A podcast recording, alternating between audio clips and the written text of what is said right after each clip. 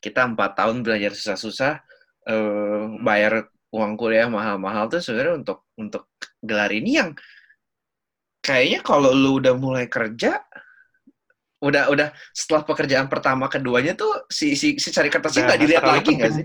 Nggak nggak penting iya, lagi kan?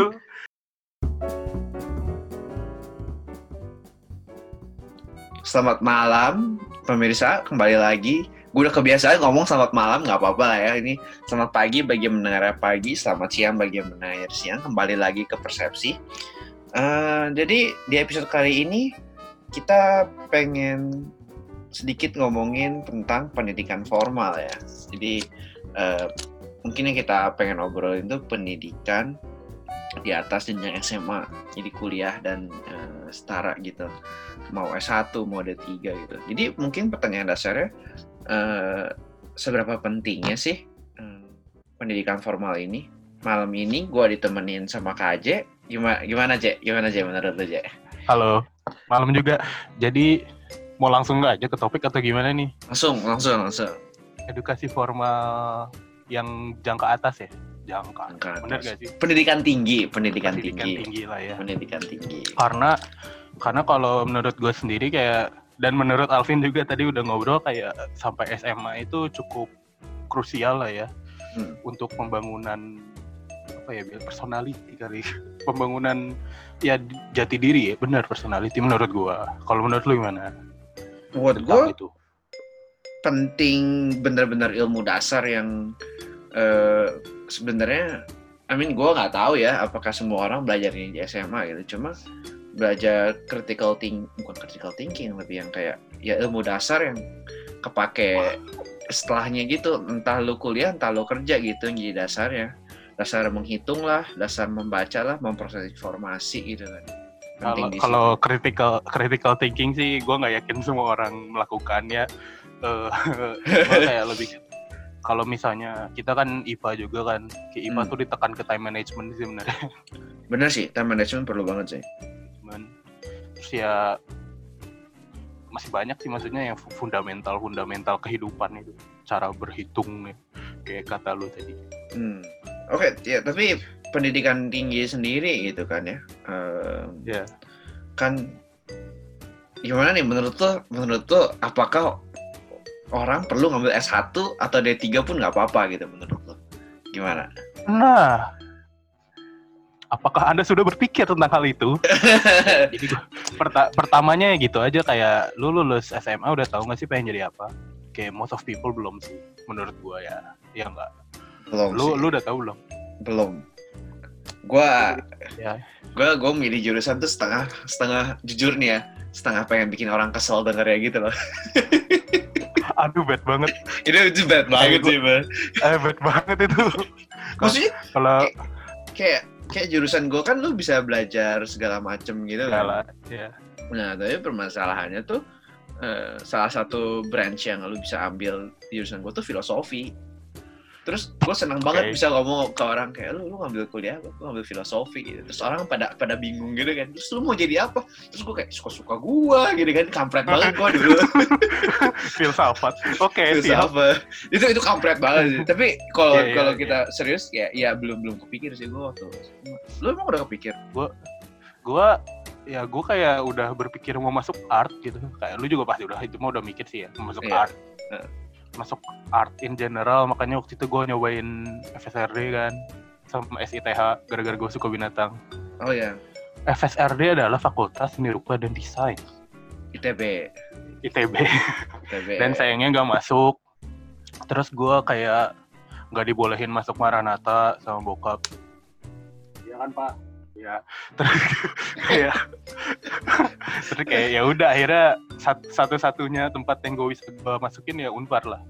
Hmm. di unpar ya gue kayak itu gengsi gitu kalau masuk uh, manajemen ya gara-gara si gue kan manajemen ya.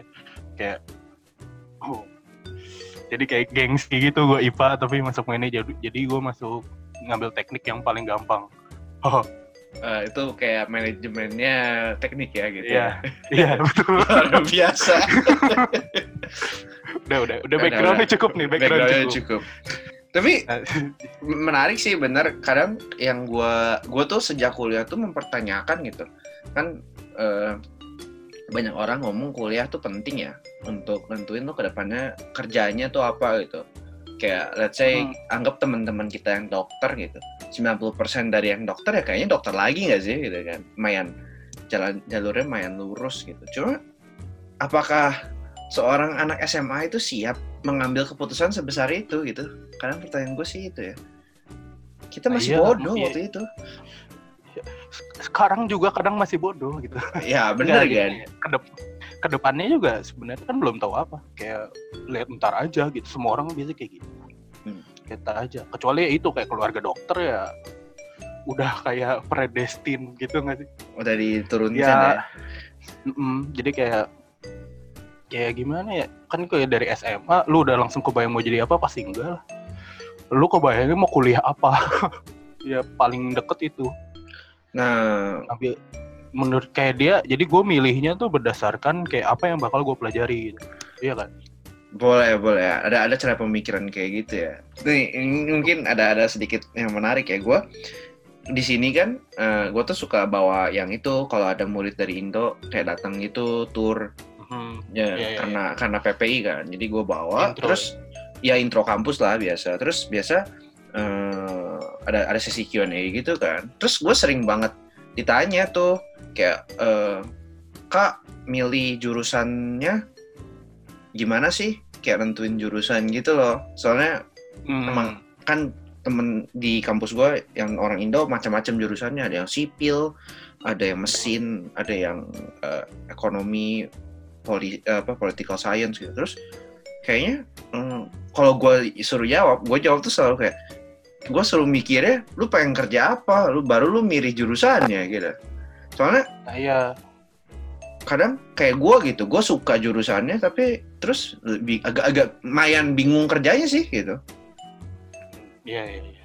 itu ya gue kayak kebalik gitu waktu pertama kali masuk industri itu jadi kayak gue kira ya ya udah manajemen dalam bentuk teknik gitu kan hmm. tapi gue nggak pernah sekali sekalinya berpikir kalau jaka, bakal jadi manajer pabrik gitu dan ya kalau dilihat-lihat keluarannya jadi manajer tapi bidang apa pun sih kan hmm. industri ya hmm. ya tapi waktu masuk waktu masuk univ sih gue beneran nggak tahu apa-apa ya kayak ya udahlah gue pengen kuliah oh dulu parah banget gue pengen musik ya udah ntar aja gue bikin musik gak jelas tapi itu salah nggak sih? Kayak misalnya lu pengen kayak dulu ada ada kayak oh kalau gua kuliah musik gitu. Ada nggak sih kayak gitu?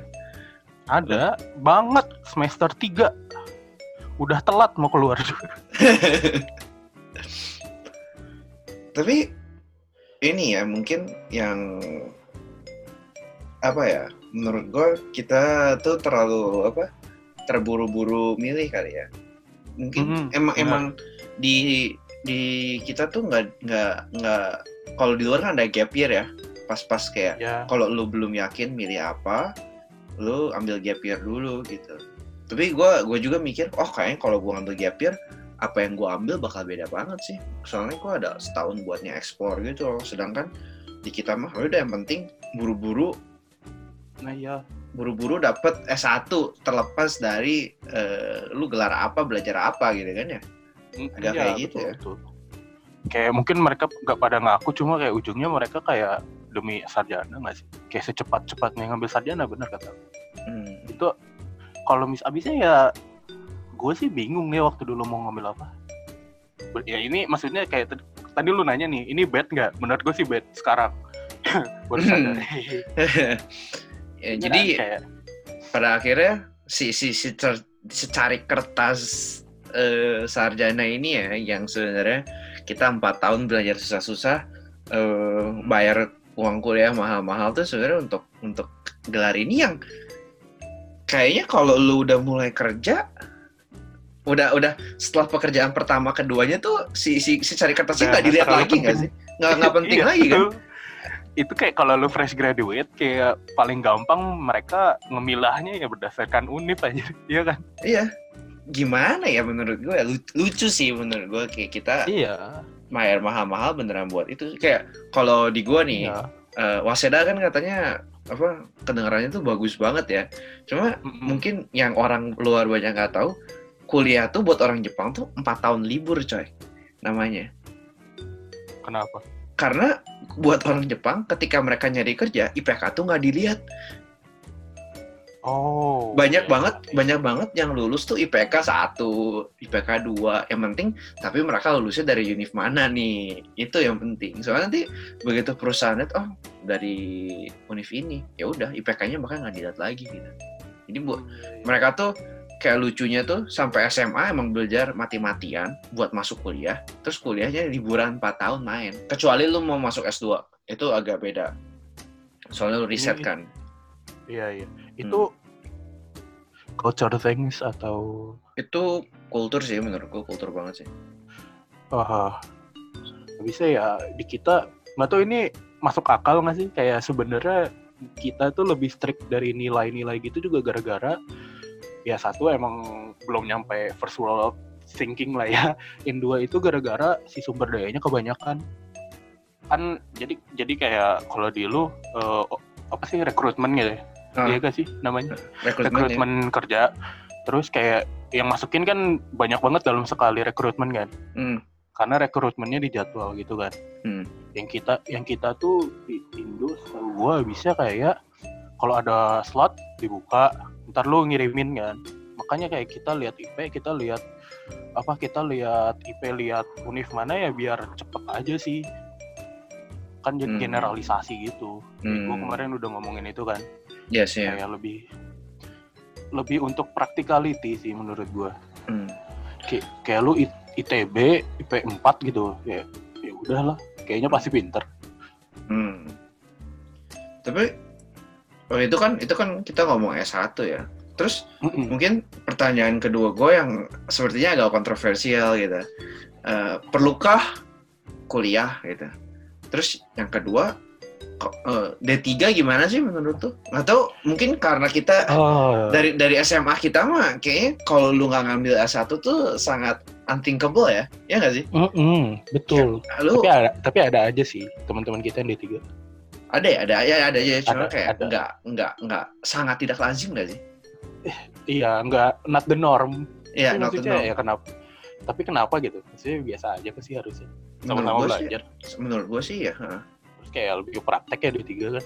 Itu itu yang pengen gue masuk.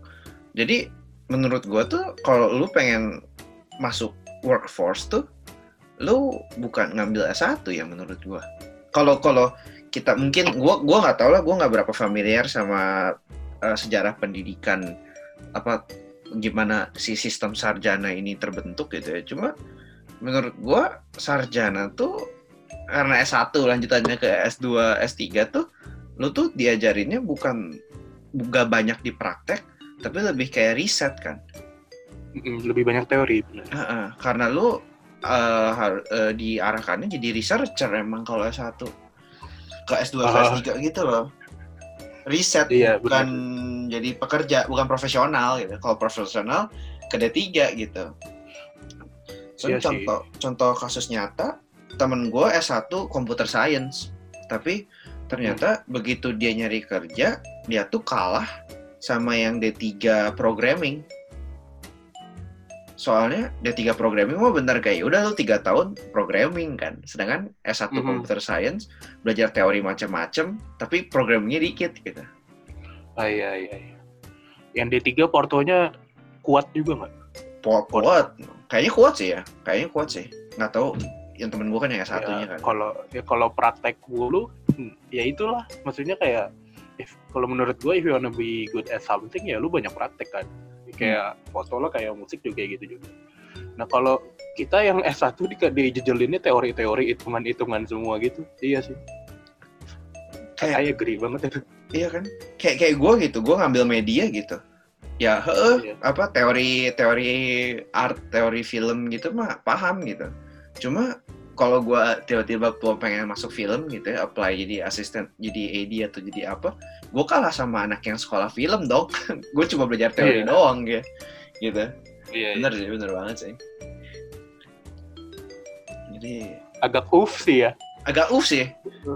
Gue gue gue sangat mindfuck ini sekarang. Kasar. Gue gue setelah tahu pun setelah nyadar gue yang kayak jadi apa ya salah ya gue cuma emang nggak bisa dipungkiri di masyarakat ya stigma kayaknya sampai selevel yeah. lo fresh grad tuh stigma S1 tuh masih berat banget gitu ya. Uh, peer pressure juga gak sih? Peer pressure juga sih.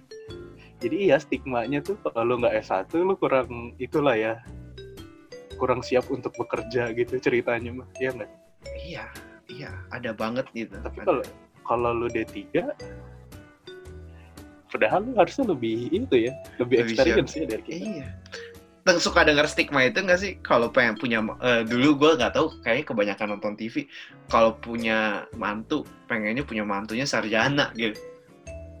Oh, oke. Okay. iya kayak kayak Kenapa? gitu loh. Jadi kayak jadi it's another qualification aja gitu di, di masyarakat gitu. Itu itu bercanda aja. Cuma cuma iya, iya. salah satu contoh lah gitu.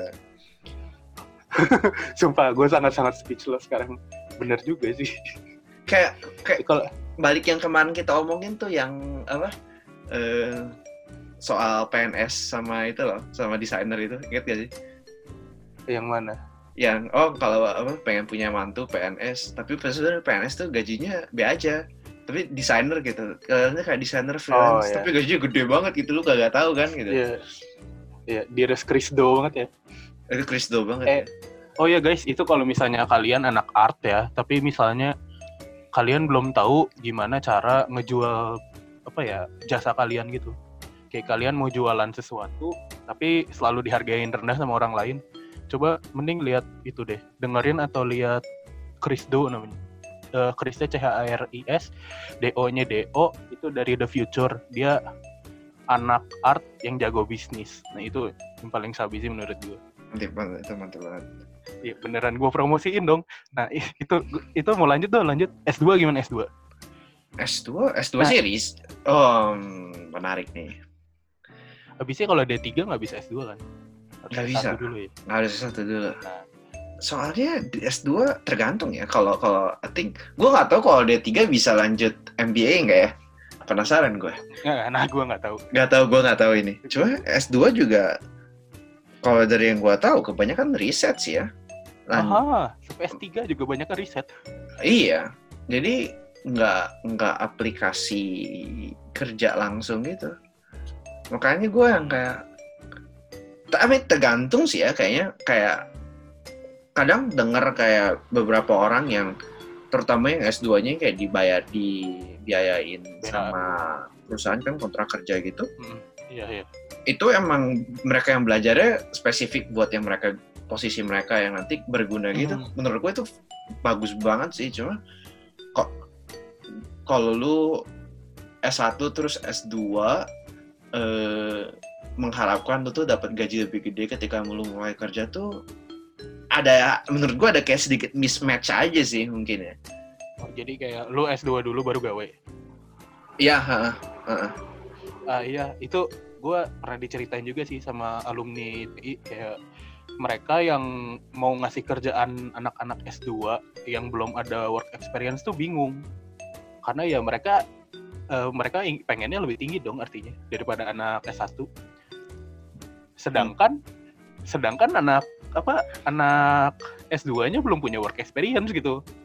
Kayak mereka isinya teori semua. Kan kalau gue jadi perusahaan gue nggak yakin mau apa ya ya dia pinter gitu dia pinter. Cuma kalau dia nggak bisa manage orang buat apa? Buat Bener. apa dapetin tinggi gitu. Bener.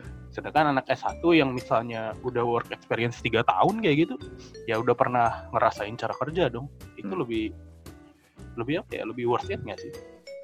Nah itu kayaknya jadi ya gue sadarnya bedanya D3 sama S1 kan itu tadi ya, praktek teori kan. Hmm. kalau misalnya lu mau jadi petinggi menurut gue teori lu harus kuat juga sih. benar benar benar iya kan hmm. kayak knowing of all things gitu ya hmm. Nah, sih kalau eh, gue dari KP sih liatnya ya jadi yang di KP itu yang direkturnya orang pinter gitu hmm. orang pinter sedangkan yang bawahan-bawahannya ada yang pinter cuma lebih praktek banget Hmm, oke okay, mungkin mungkin di situ sih jadinya kenapa orang lebih ngincar sarjana ya semua soalnya hmm. kayak stigmanya oh pengen jadi bos nantinya gitu. Ah iya mungkin ya. Bisa jadi, bisa jadi, benar banget sih.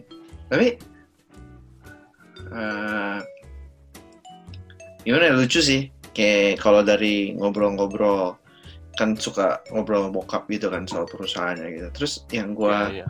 paham ada sedikit mismatch kali ya. Sering mungkin perusahaan yang lebih baru-baru mungkin mereka sistem yang perusahaan gede, perusahaan baru-baru tuh lebih terstruktur gitu ya. Cuma yang gue sering lihat, kadang-kadang lihat gitu, apa orang yang paling skill, misalnya satu tip nih, orang yang paling skill itu dipromot jadi manajer gitu skill secara secara ngerjain pekerjaannya gitu loh. Oh, Oke. Okay. Terus terus kan kayak tunggu, gue juga gue juga misalnya di posisi yang sama nih misalnya ngerja, di UKM yeah. di kampus udah mau lulus nih harus milih yang ngelanjutinnya siapa gitu di tim gue gitu. Tim gue main praktikal kan desain soalnya. Mm -hmm. Nah gue milihnya orang yang skill desainnya sendiri B aja tapi bisa manage atau yang skill desainnya paling jago nih itu nih kan kayak kayak apa hmm.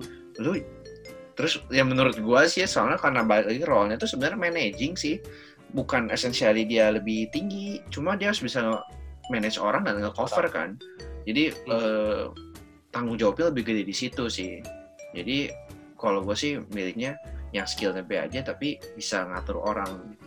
bisa manage bukan ngatur juga sih sebenarnya manage kayak tapi ini jadi seru loh kayak yang soal kayak gitu ya Hmm. pilihannya antara yang B aja tapi jago manage atau yang jago banget hmm. dan biasanya orang yang jago banget tuh pengen dapet itu lebih tinggi gitu gaji tinggi iya, ya? bukan gaji doang jadi kayak punya apa ya punya power yang lebih besar.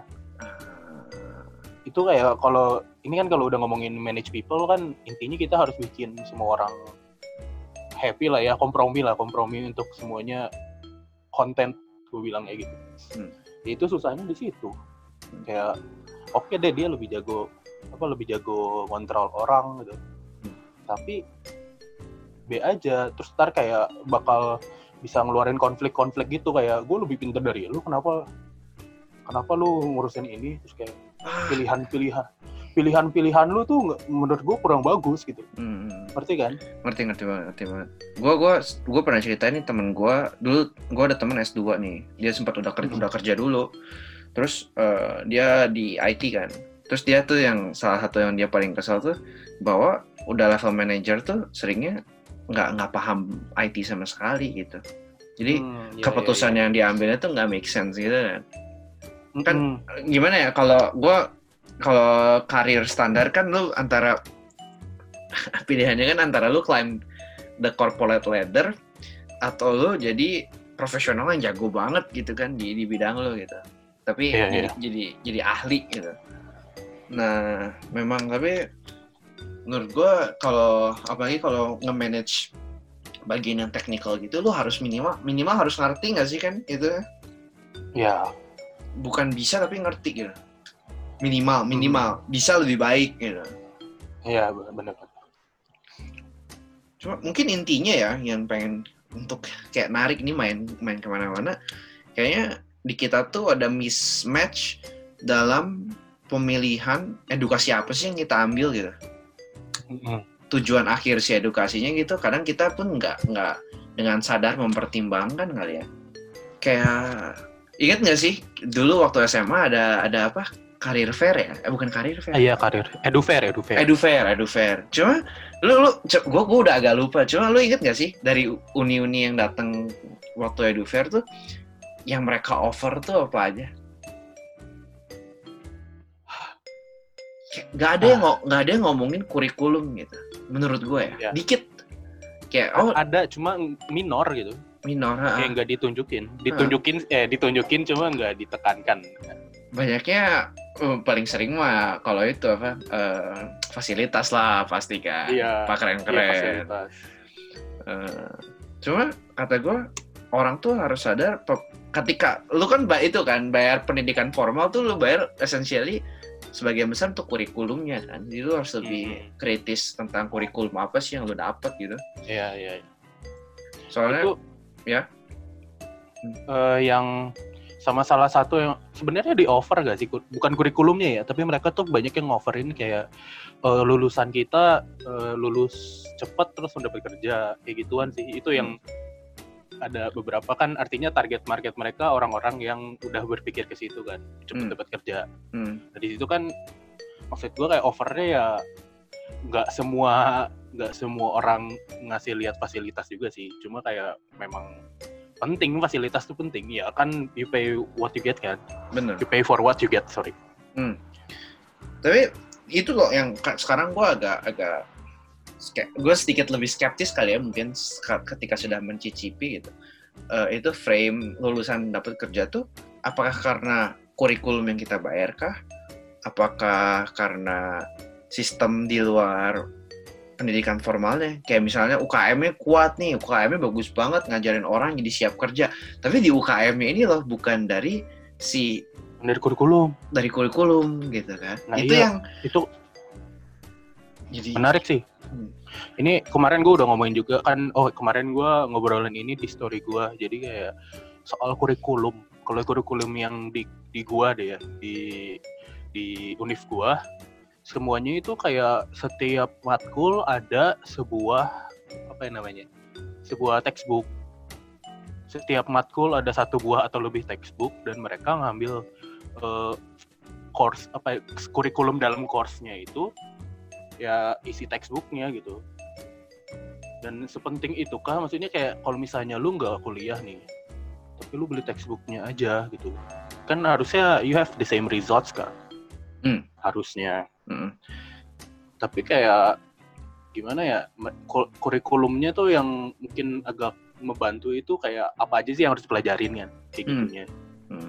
nah itunya ya oke deh ada plusnya dari S apa dari formal education yaitu dapat lu harus belajar apa sih tapi kalau lu pikir-pikir kalau lu niat ya maksudnya kayak gituan tuh ada banyak yang nggak digunain gitu iya nggak Hmm. Kayak kenapa? Kalau misalnya gue udah tahu nih kayak tadi kan baru gue ngomongin nih kayak oh ternyata ada industrial designer. Kalau kayak gitu ya gue beli buku-buku industrial design aja semua. Terus gue pelajarin Menurut gua bisa banget sih itu. iya kan? Hmm. kayak nggak harus nggak harus bayar orang untuk ngajarin itu kan? Sedangkan emang bukunya aja beli lagi. Hmm. Makanya ketika itu, ketika lu bayar pendidikan formal tuh lu harusnya dapat value yang lebih dari cuma knowledge-nya doang gitu. Entah itu industri akses, entah itu profesional akses ketika lu ketemu gurunya. Iya, iya, iya.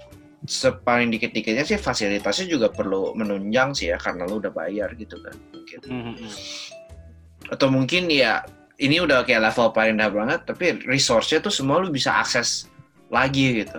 Kayak lu bisa akses Ah, at, iya. at least knowledge-nya gitu kan dari dari institusi Hmm. tersebut gitu. Pada akhirnya nggak jelek sih ya pendidikan pendidikan apa pun nggak Iya. jelek gitu. Cuma lu tergantung tergantung. Lu harus sadar aja sih kayak sebenarnya lu ngambil pendidikan ini kenapa dan apa yang lu dapatkan aja. Jangan kalau bisa jangan kecewa tengah-tengah lah gitu kan. iya iya Hmm.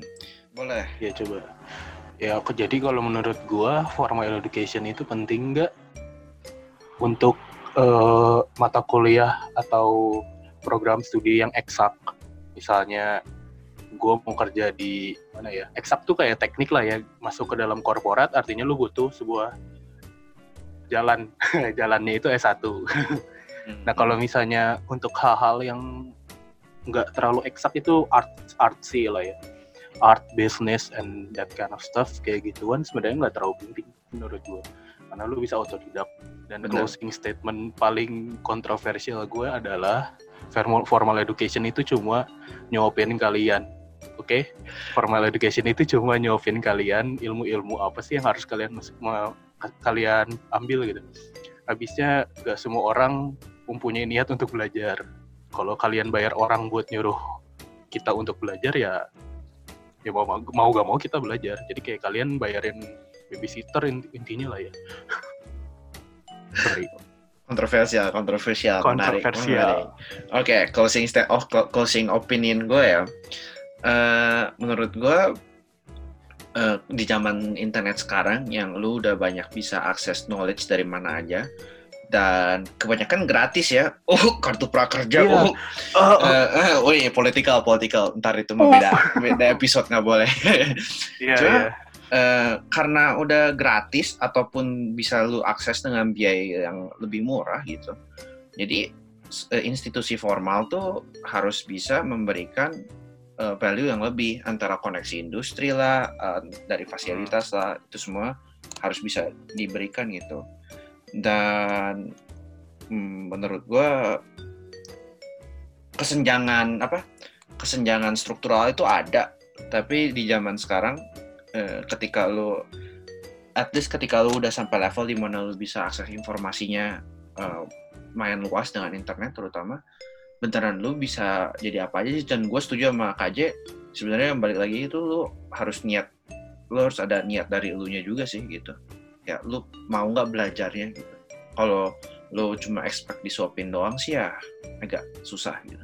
Kalah sama yang beneran niat sih akhirnya menurut gue iya. Iya. Kalau nggak niat makanya masuk aja ke dalam universitas uh... dipaksa niat ya? Iya jadi dipaksa niat. Iya. Kalau nggak rugi ini ini ini niat gak niat juga tetap rugi sih sebenarnya. Oh, aduh. Apalagi lagi Oh ya benar ya benar banget sih. Oke okay, okay. sekarang. hmm, corona. Hmm.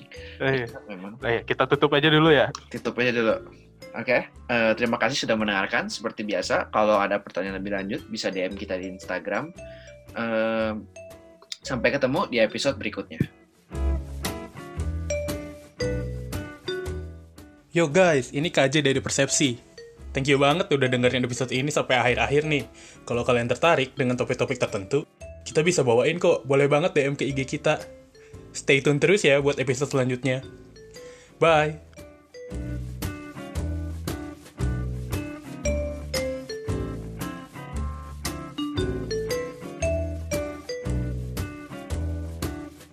Bye, Vin.